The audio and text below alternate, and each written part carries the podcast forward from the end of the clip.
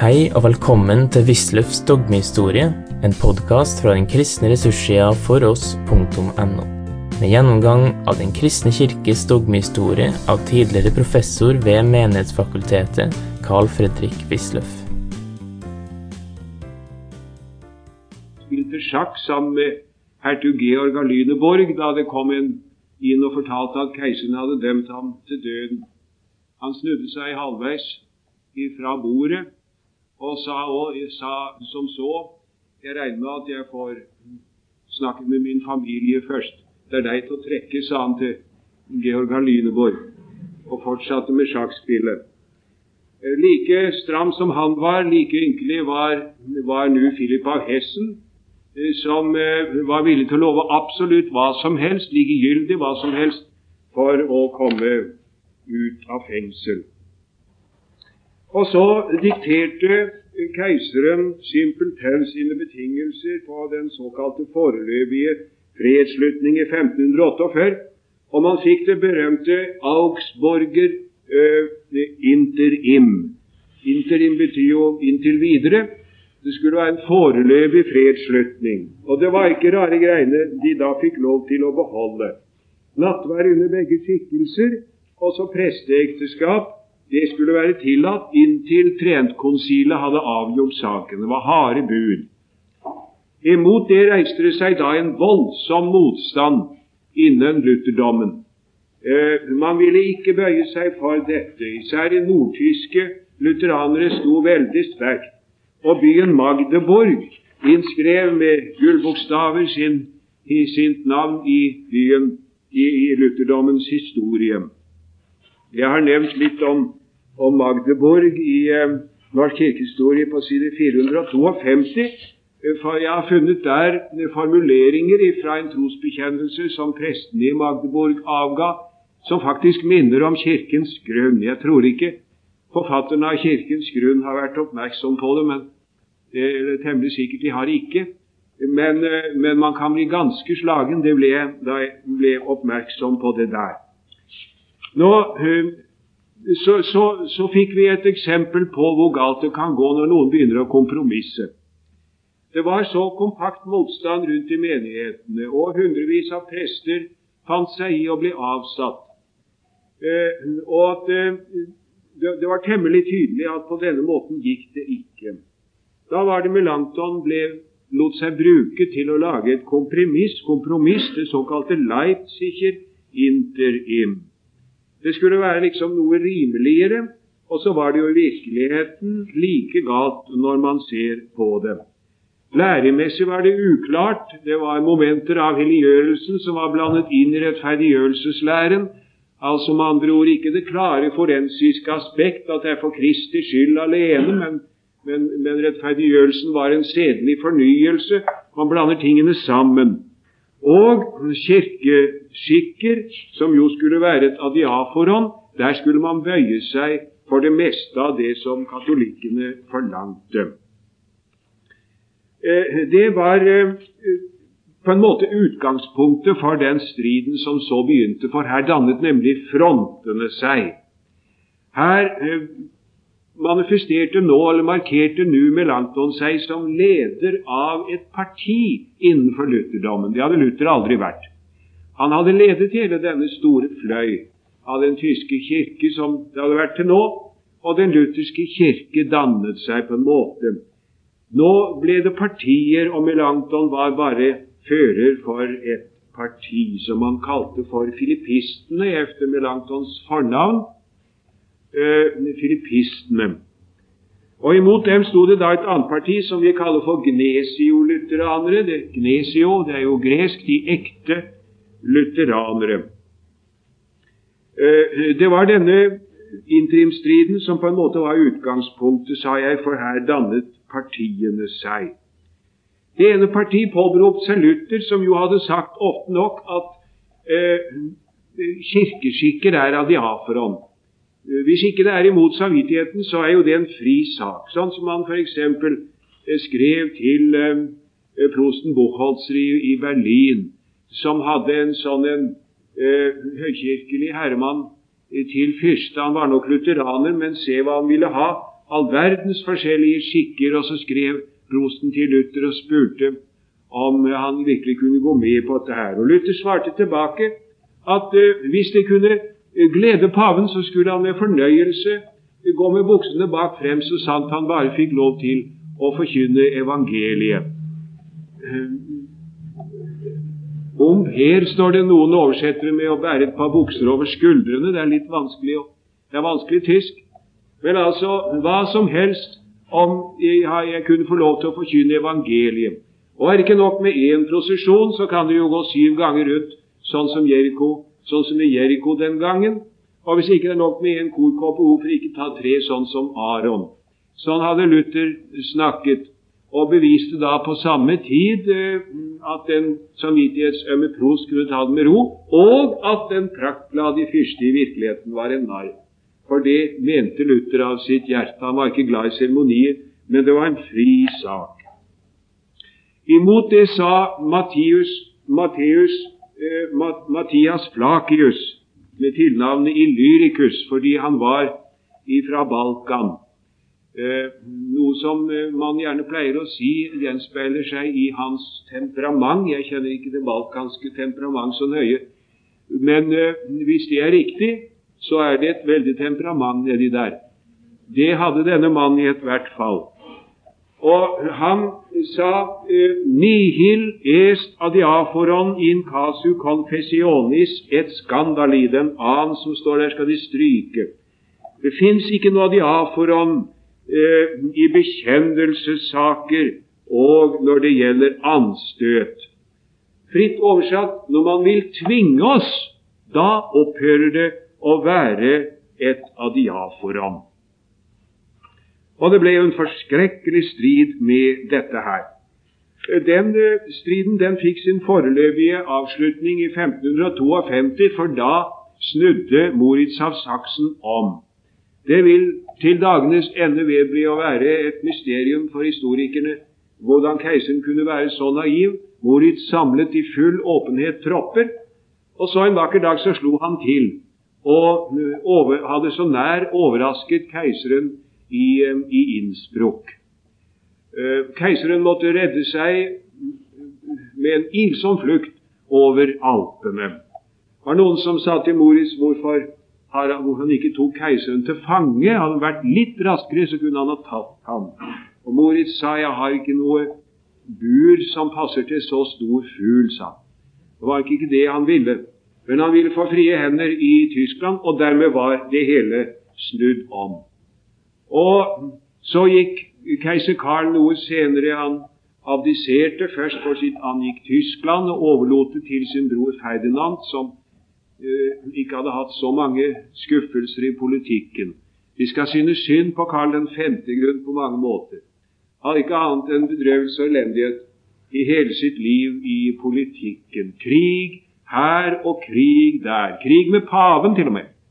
Og Bokstavelig krig med Clemens den syvende på grunn av dennes fortvilede franske politikk, som var til ulykke for alle parter. Krig med en forferdelig sjørøver så han måtte endog sette over til Nord-Afrika for å få has på ham, en som de kalte for Barbarossa. Krig her og krig der og skuffelser, og nå ga han opp, og Ferdinand overtok. Og Så kom, kom religionsfreden i Augsburg i 1555. Det er jo en voldsomt viktig punkt med religionsfreden i 1555, som vi absolutt må være klar over. Eh, man kan si det var tre punkter. For det første ingen fyrste skal tvinges. Jeg har ikke notert det, det står jo i alle lærebøkene, men la oss nå ta det her. Det spiller en rolle her også. Eh, religionsfreden i Augsburg 1555. Noter det gjerne hvis de vil. Religionsfreden i Augsburg 1555. 1 kolon. Ingen fyrste skal påtvinges noen annen tro. Ingen fyrste skal påtvinges en annen tro.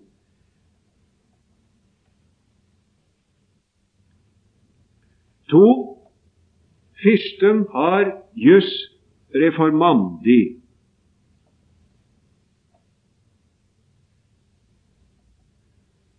Annerledes troende har jus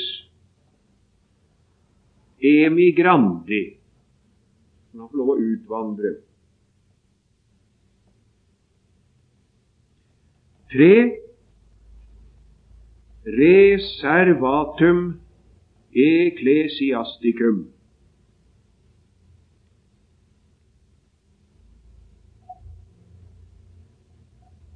En geistlig fyrste kan ikke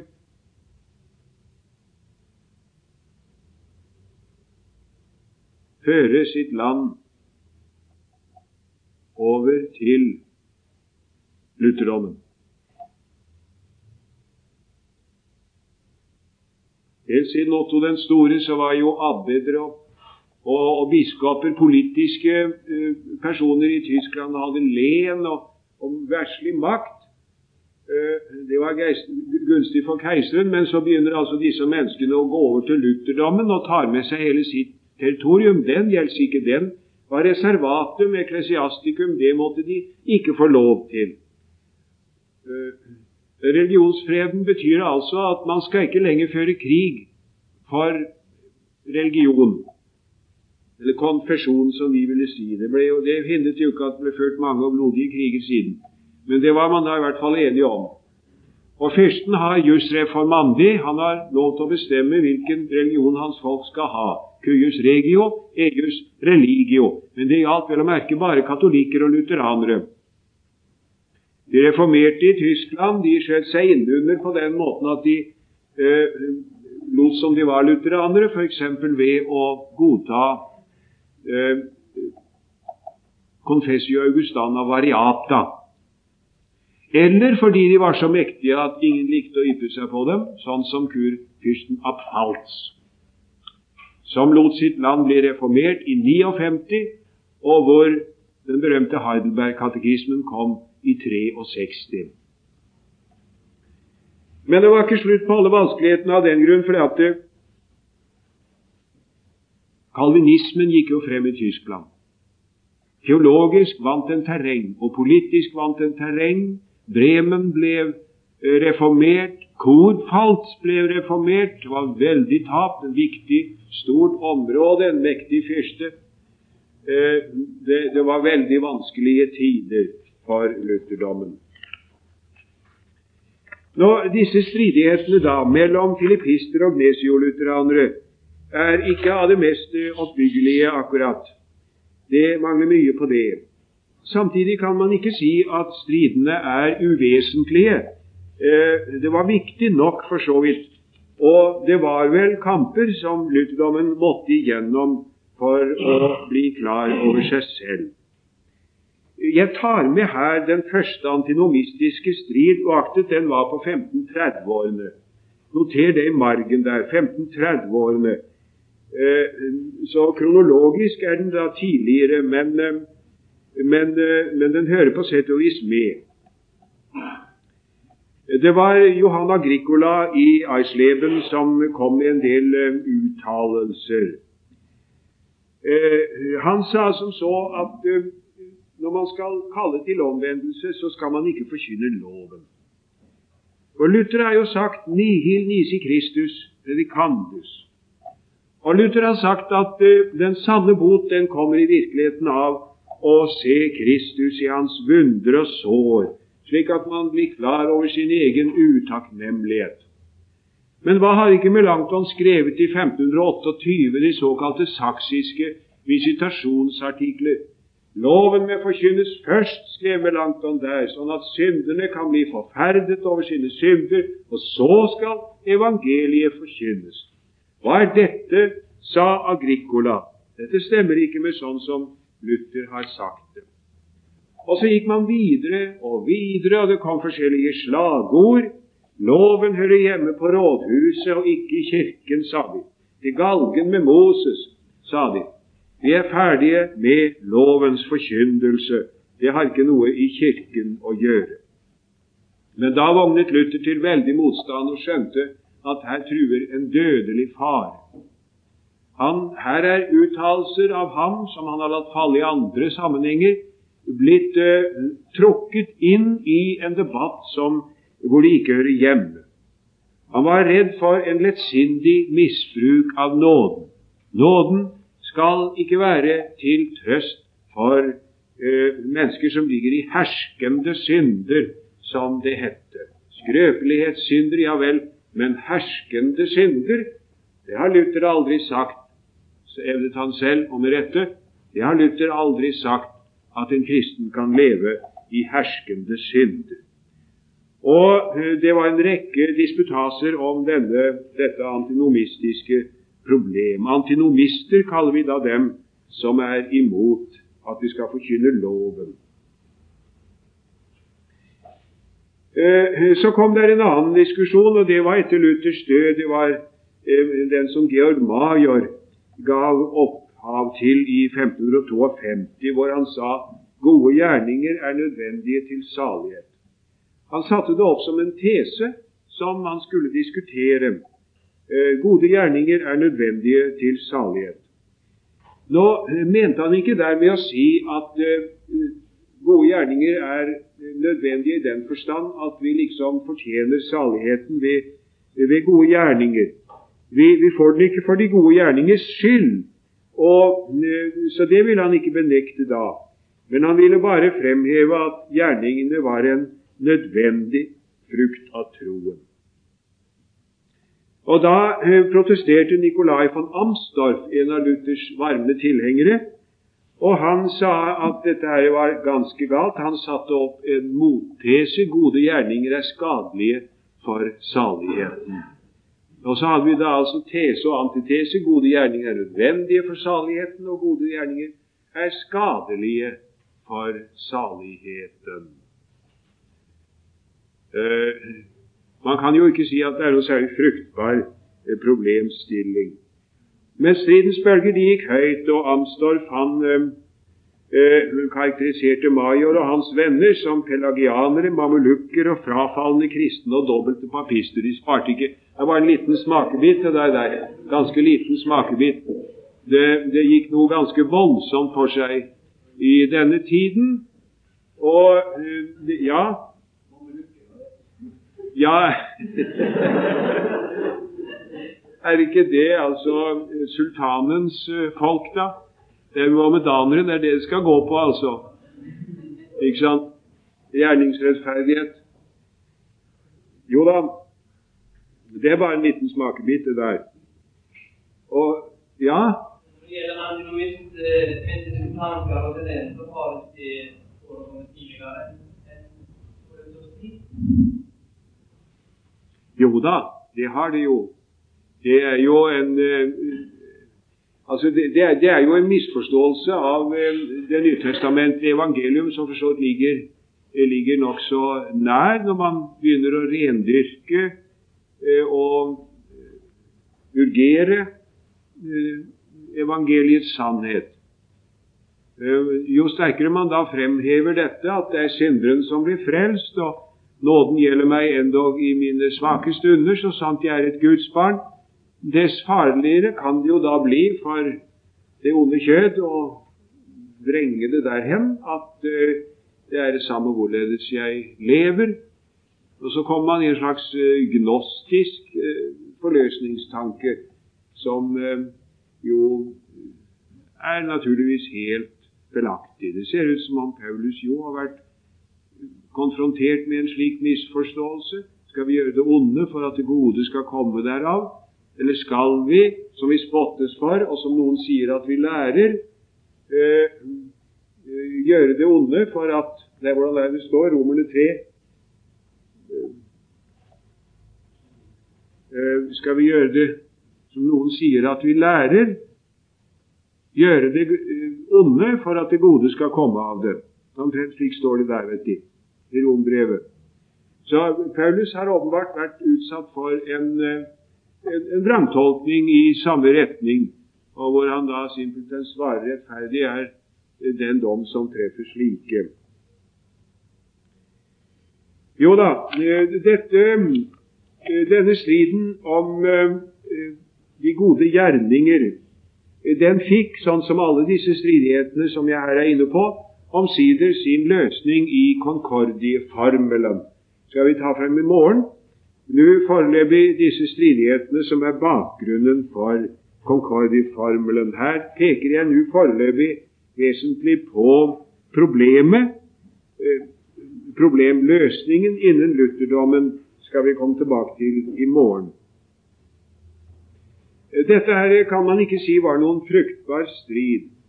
Det var eh, jo to utrerte satser som man satte opp imot hverandre, og ingen av partene mente jo for så vidt ordene sine heller, sånn som man lett kunne komme til å, å nevne det og, lese dem. Von Amstamp mente jo bare at gode gjerninger som gjøres i, i den hensikt å vinne saligheten ved dem, de er skadelige. Noe annet mente han jo da egentlig ikke, hvilket vil si at det var ikke så rent lite av lærd teologisk vrøvl med i spillet her. Og Så kom striden om lovens tredje bruk. Ikke tredje bud, som der står, men lovens tredje bruk. Eh, Luther lærte jo, som vi før har vært inne på, en dobbelt bruk av loven. Eh, duplex usus legis. Eh, simpelthen det, for det første, at loven skal holde de ugudelige i sjakk og fortelle hva Guds dom er over dem som lever ugudelig. Og for det andre at den driver til synserkjennelse. Men eh, Melanchthon han eh, begynte å tale litt annerledes, og det var ut ifra eh, en betraktning av antropologien. Han sa som så at troende at menneskene de kan deles i tre slag. Det er de sovende, de som lever trygt og ubekymret i sine synder. Og så er det de vakte. Det er de som enda ikke er frelst, men som er, de har begynt å få omsorg for sin sjel, og som nå spør engstelig hva skal vi gjøre, brødre, for å bli frelst. Og så for det tredje så er det de gjenfødte som eh, eh, har fått fred med Gud i en god samvittighet. Og så viste Melanchthon at for hver av disse klasser av mennesker har loven et ord å si. Til de sovende eh, har den dette eh, som Luther kalte for dens første bruk.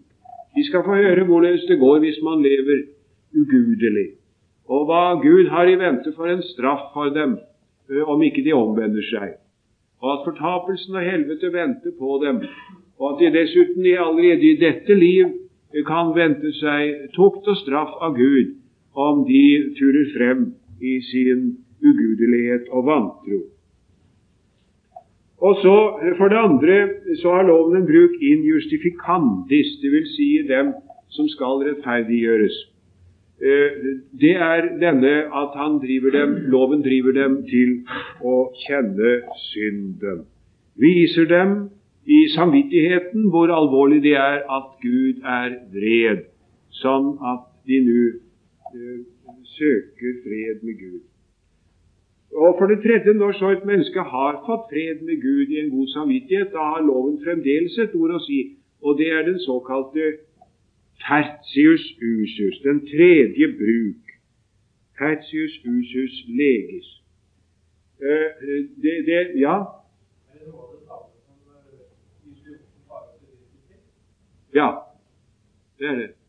kan man trygt si. Han har jo også en, en antropologi som for så vidt svarer til dette. Han er inspirert åpenbart av eh, Kirkegårds dialektiske tenkning, men det er akkurat det samme. Og denne tredeling for så vidt av tilhørerne, vi kan si tilhørerne under en prekestol i kirken, sånn som de kan tenke oss det vanlige er, eh, der, der, kan vi tenke oss at det gjerne vil være tre slags mennesker. Det er noen som sover i sin samvittighet, noen som er vakt, men enda ikke frelst, og noen som er frelst og gjenfødt. Og loven har et ord til alle disse tre grupper. Det er, det er jo Pietismen har jo ikke minst gjort bruk av denne tredelingen, og Gisle Jonsson var i så måte pietist som i så mange andre henseender. Nå skal de merke at den tredje bruk det deler seg på en måte i to. eh, lex semper accusat, sier Melanchthon jo. Loven anklager alltid. Loven blir aldri fornøyd med oss. Eh, hvor langt et menneske enn kom i helliggjørelse, så anklager loven. Eh, derfor også den som er frelst og omvendt. Eh, loven er ikke ferdig med ham. Den anklager ham ennå stadig. Og også den som er frelst, han trenger til stadig på ny å bli vakt opp til å se evighetens ansvar og alvor og nødvendigheten av den daglige omvendelse og en alvorlig kamp imot synden i, i Guds kraft. Men så, og det er det andre da, andre delen av den tredje bruk, så skal loven si og fortelle eh, den gjenfødte hva Gud vil at han skal gjøre. Den skal fortelle ham hva som er Guds vilje i hans liv. Det skal loven si. Altså, den som har fått fred i sin samvittighet med, med, med Gud, han, han spør nå på en ny måte hva vil du, Gud, at jeg skal gjøre? Og Da ligger Guds lov der, de ti bud og, og Guds bud for øvrig, som en enkel anvisning på hvilke gjerninger Gud har behag i, for å bruke Luthers uttrykksmåte. Eh, nå mener jeg at eh, her har man gjort altfor mye vesen av den forskjellen mellom Luther og Melanchthon. Eh, også Luther sier jo så ofte, og dette har jeg sagt før her, at er, vil man vite hva for gjerninger Gud har behag i, så skal vi spørre Hans ti bud. Von den guten Werken fra 1520 er jo et klassisk uttrykk for det. Men man følte at det var en viss forskjell her. Og så ble det strid blant lutheranerne om dette punkt, om lovens tredje bruk. Eh, det var to, eh, ikke minst, som var ivrige der. Det var Poach og Otto. Flakius er kommet inn der. Stryk Flakius. Han var nok med i striden, han òg, men, men, ikke sånn. Han het Andreas Otto. Otto er efternavn, altså. Poach og Otto de sa loven er aldri motiv for den gode gjerning. Det trengs ikke noen tredje bruk.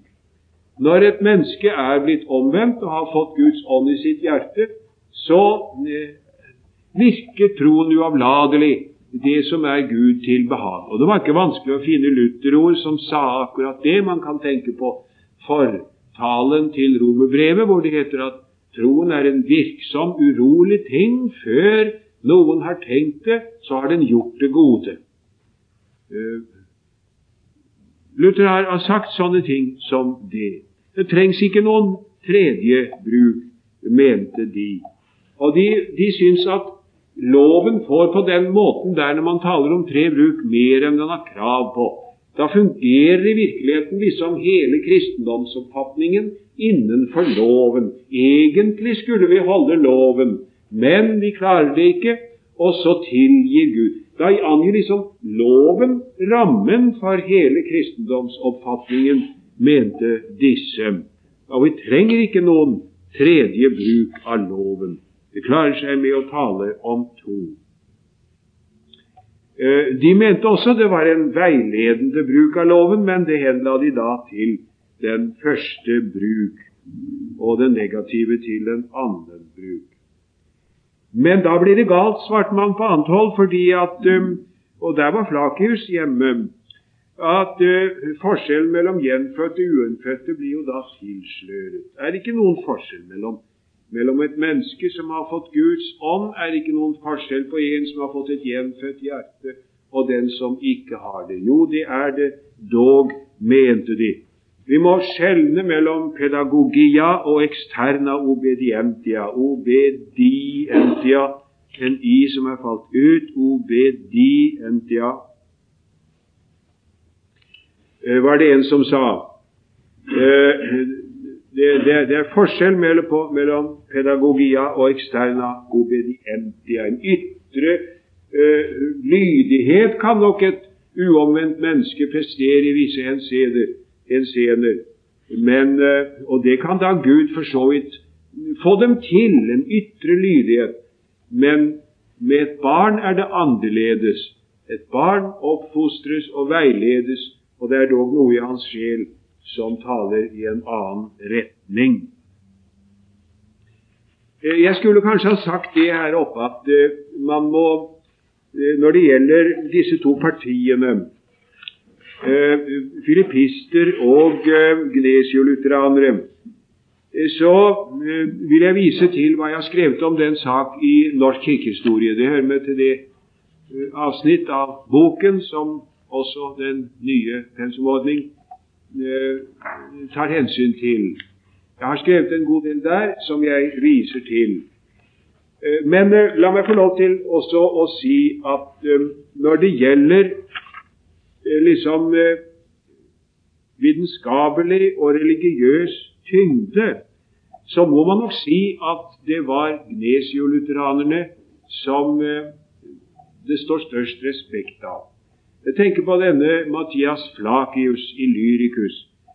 Han var jo utvilsomt en selot på mange måter, og han stelte seg, som vi snart skal høre, så galt at endog hans venner kunne ikke følge ham helt ut. Men han var en meget betydelig mann. Hans, han har f.eks. skrevet en klavis sakre skriptura, en slags uh, kommentar uh, i, i 1567 en, en slags uh, fortolkningslære, man kunne i grunnen si en hermeneutikk, som alltid på ny vekker stor beundring. Og historiker, da, han var jo den som utarbeidet med medarbeideres hjelp de kjempesvære Magdeburger-senturiene med kildesamlinger og vurderinger som eh, Ja, hva skulle vi ha gjort hvis vi ikke hadde dem? en, en virkelig betydelig mann, og dessuten en karakter av den typen som kan stå også da og ikke er redd, endog da når det lukter krutt. Vel, eh, vi går videre her, eh, og det gjelder da den eh, synergistiske strid. Der kommer vi inn på dette med predestinasjon. Det er jo en veldig vanskelig sak. Luther lærte at mennesket blir omvendt pure passive. Det står i eh, boken om den trellbundne vilje. Eh, det er Servo Arbitrio, 1525. Og til sin siste dag regnet Luther den boken for å være noe av det beste han hadde skrevet. Den og den lille katekismen, sa han en gang, de to bøkene, de ville han fremfor alt vedkjenne seg. Mennesket blir omvendt pure passive. Det er Gud som utvelger et menneske og fører ham til omvendelse, mens mennesket forholder seg helt passivt. Han medvirker ikke til sin frelse på noen måte. Og Hvordan troen oppstår i et menneskehjerte, det syns nærmest for Luther stadig å være et under man kan ikke egentlig forklare det. Ikke annet enn at det er en frukt av ordet som forferder synderen, men også tenner troen der inne. Hva gjør jeg? Jeg gjør egentlig ingenting. Og Bakgrunnen for den betraktning er hos Luther ikke minst den at hans store interesse er frelsesvissheten. Det må vi alltid være klar over. Luthers teologi er innstilt på dette jeg, stakkaren, må få lov til å være viss på at jeg er frelst. Og Hvis jeg da sier at det er noe som helst fra min side som er en betingelse for frelsen, ja, da kan jeg i anfektelsens stund aldri være sikker på at jeg virkelig har gjort dette. Gjort det ordentlig. Gjort det helt. Om det er aldri så lite. Men altså, der er ikke noe. Jeg er helt passiv. Men Melanchthon kom til at det var eh, tre momenter som samvirket til frelsen. Ikke bare Guds ord og Guds ånd, sånn som Luther hadde sagt, Guds ord og Guds ånd, men menneskeviljen er det med som en tredje faktor. Og Det var en melankton-disippel som heter Pfeffinger. Han eh, sa at mennesket frelses, ikke pure passive. Der er dog en assensio og en apprehensio. Og, mot disse, og det ble det da veldig diskusjon om. Flakius og Amstorff de brukte Luthers formuleringer og sa mennesket ble omvendt pure passive. Eh, og så viste det seg det at eh, til og med midt i det gnesiolutherske Jena så var det en fagkollega som heter Strigel, som viser seg å være synergist. Vi forstår det uh, synergisme. Vi kan oppfatte straks den greske rot i, eh, i det ordet synd og ergon, handling. Eh, at min handling er min gjerning er med i frelsens sak. Og endog der i Jena, som var det nye lutherske, gnesiolutherske universitet, var det sannelig en slik forferdelig filippist og synergist. Jena har jeg nevnt i punkt 4 på side 139. Det ble reist av Amstorff og andre fordi at Wittenberg var ikke bra lenger. Wittenberg under Melanchtons ledelse slo inn på en tvilsom linje, nærmet seg Calvin, som vi straks kommer til, og på mange andre måter dårlig, som han grunnet et nytt universitet i Jena. Men sannelig var det ikke en Wallenmann der også, som heter Striegel. Og han sa at menneskets substans er forstand og vilje. Synden er fordervelse av denne substans, og følgelig er synden en aksidens. Og Der kommer, kommer Aristoteles inn i bildet igjen, han som Luther hadde kastet ut og sagt at uh, hele teologien er meget bedre faren uten disse aristoteliske begreper. De er bare egnet til å forvirre all sunn bibelsk tenkning. Her kom de inn igjen. Og Så ble det da en veldig diskusjon om hvorvidt arvesynden var menneskets substans, eller om det synden bare var en aksidens.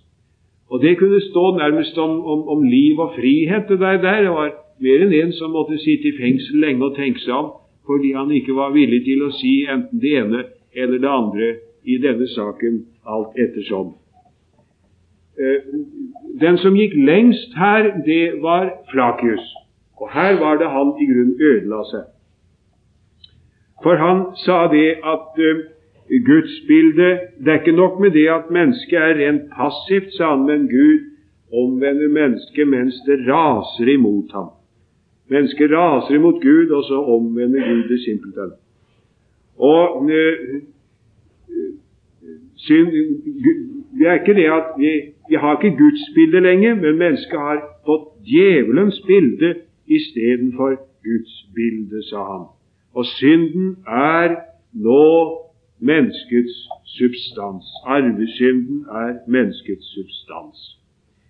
Da eh, distanserte endog mange gnesiolutheranere seg fra sin gamle våpenfelle Flakius. Du sa dette er jo manikeisme. Manikeisme er den eh, kontroversteologiske eh, glose som dukker opp når man frykter for en dualistisk teologi. Teolo en teologi som er uh, dualistisk i antropologien, f.eks., eller i synet på skapelsen. Hvis uh, man får det inntrykk at mennesket er liksom av vesen ondt, da Det er jo mani med de to substansene som man da tenker på. Det var jo det som Augustin hadde ført en seier i kamp imot og avslørt manikismens uholdbarhet. Mennesket er skapt godt. Det er Guds skapning. Og synden har fordervet mennesket, men de er dog fremdeles et menneske. Og eh, synden er noe som er kommet inn, men mennesket kan frelses ifra synden. Man syns han her gikk altfor langt, hva han jo utvilsomt også gjorde. Eh, nå hevdet også gnesiolutheranerne eh, predestinasjon og viste til Luthers de servo arbitrio. Alle de store reformatorene så lærer de predestinasjon. Og det er den samme bakgrunnen igjen hos Luther. Hans store anliggende er å tilrettelegge seg i hele teologien sånn at han kan være viss på at han er frelst. Og han kan ikke være det hvis uh, han er nødt til å tro at frelsen i noen forstand er avhengig av hva han gjør. For da må man jo spørre har jeg så gjort det? Og i anfektelsens stund så kan jeg ikke se at jeg har gjort endog dette som eventuelt anses for å være nødvendig fra min side. Nei, Gud må gjøre alt. Og så føres det helt tilbake til Guds besluttede råd og vilje. Vi er utvalgt til frelse. Men filippistene de eh, var ikke med på det, og Melanchthon hadde jo gått fra det som jeg før har nevnt. Fra 1527 kan vi se hvorledes Melanchthon innvortes løsgjør seg ifra denne tanke om en predestinasjon. Han sier at mennesket har dog en fri vilje, og taler om facultas applicandi se ad gratiam. Det har jeg nevnt, nevnt før. Eh, djevelen har ikke noe, Djevlene har ikke noe sånt noe, sier han. Og det er forskjellen mellom mennesket og djevlene. Eh, menneskene kan omvende seg. De har evnen til å stille seg rett i forhold til nåden. Facultas applicandis ad gratiam. Det står i den tredje utgaven av eh, Lotsi kommunes.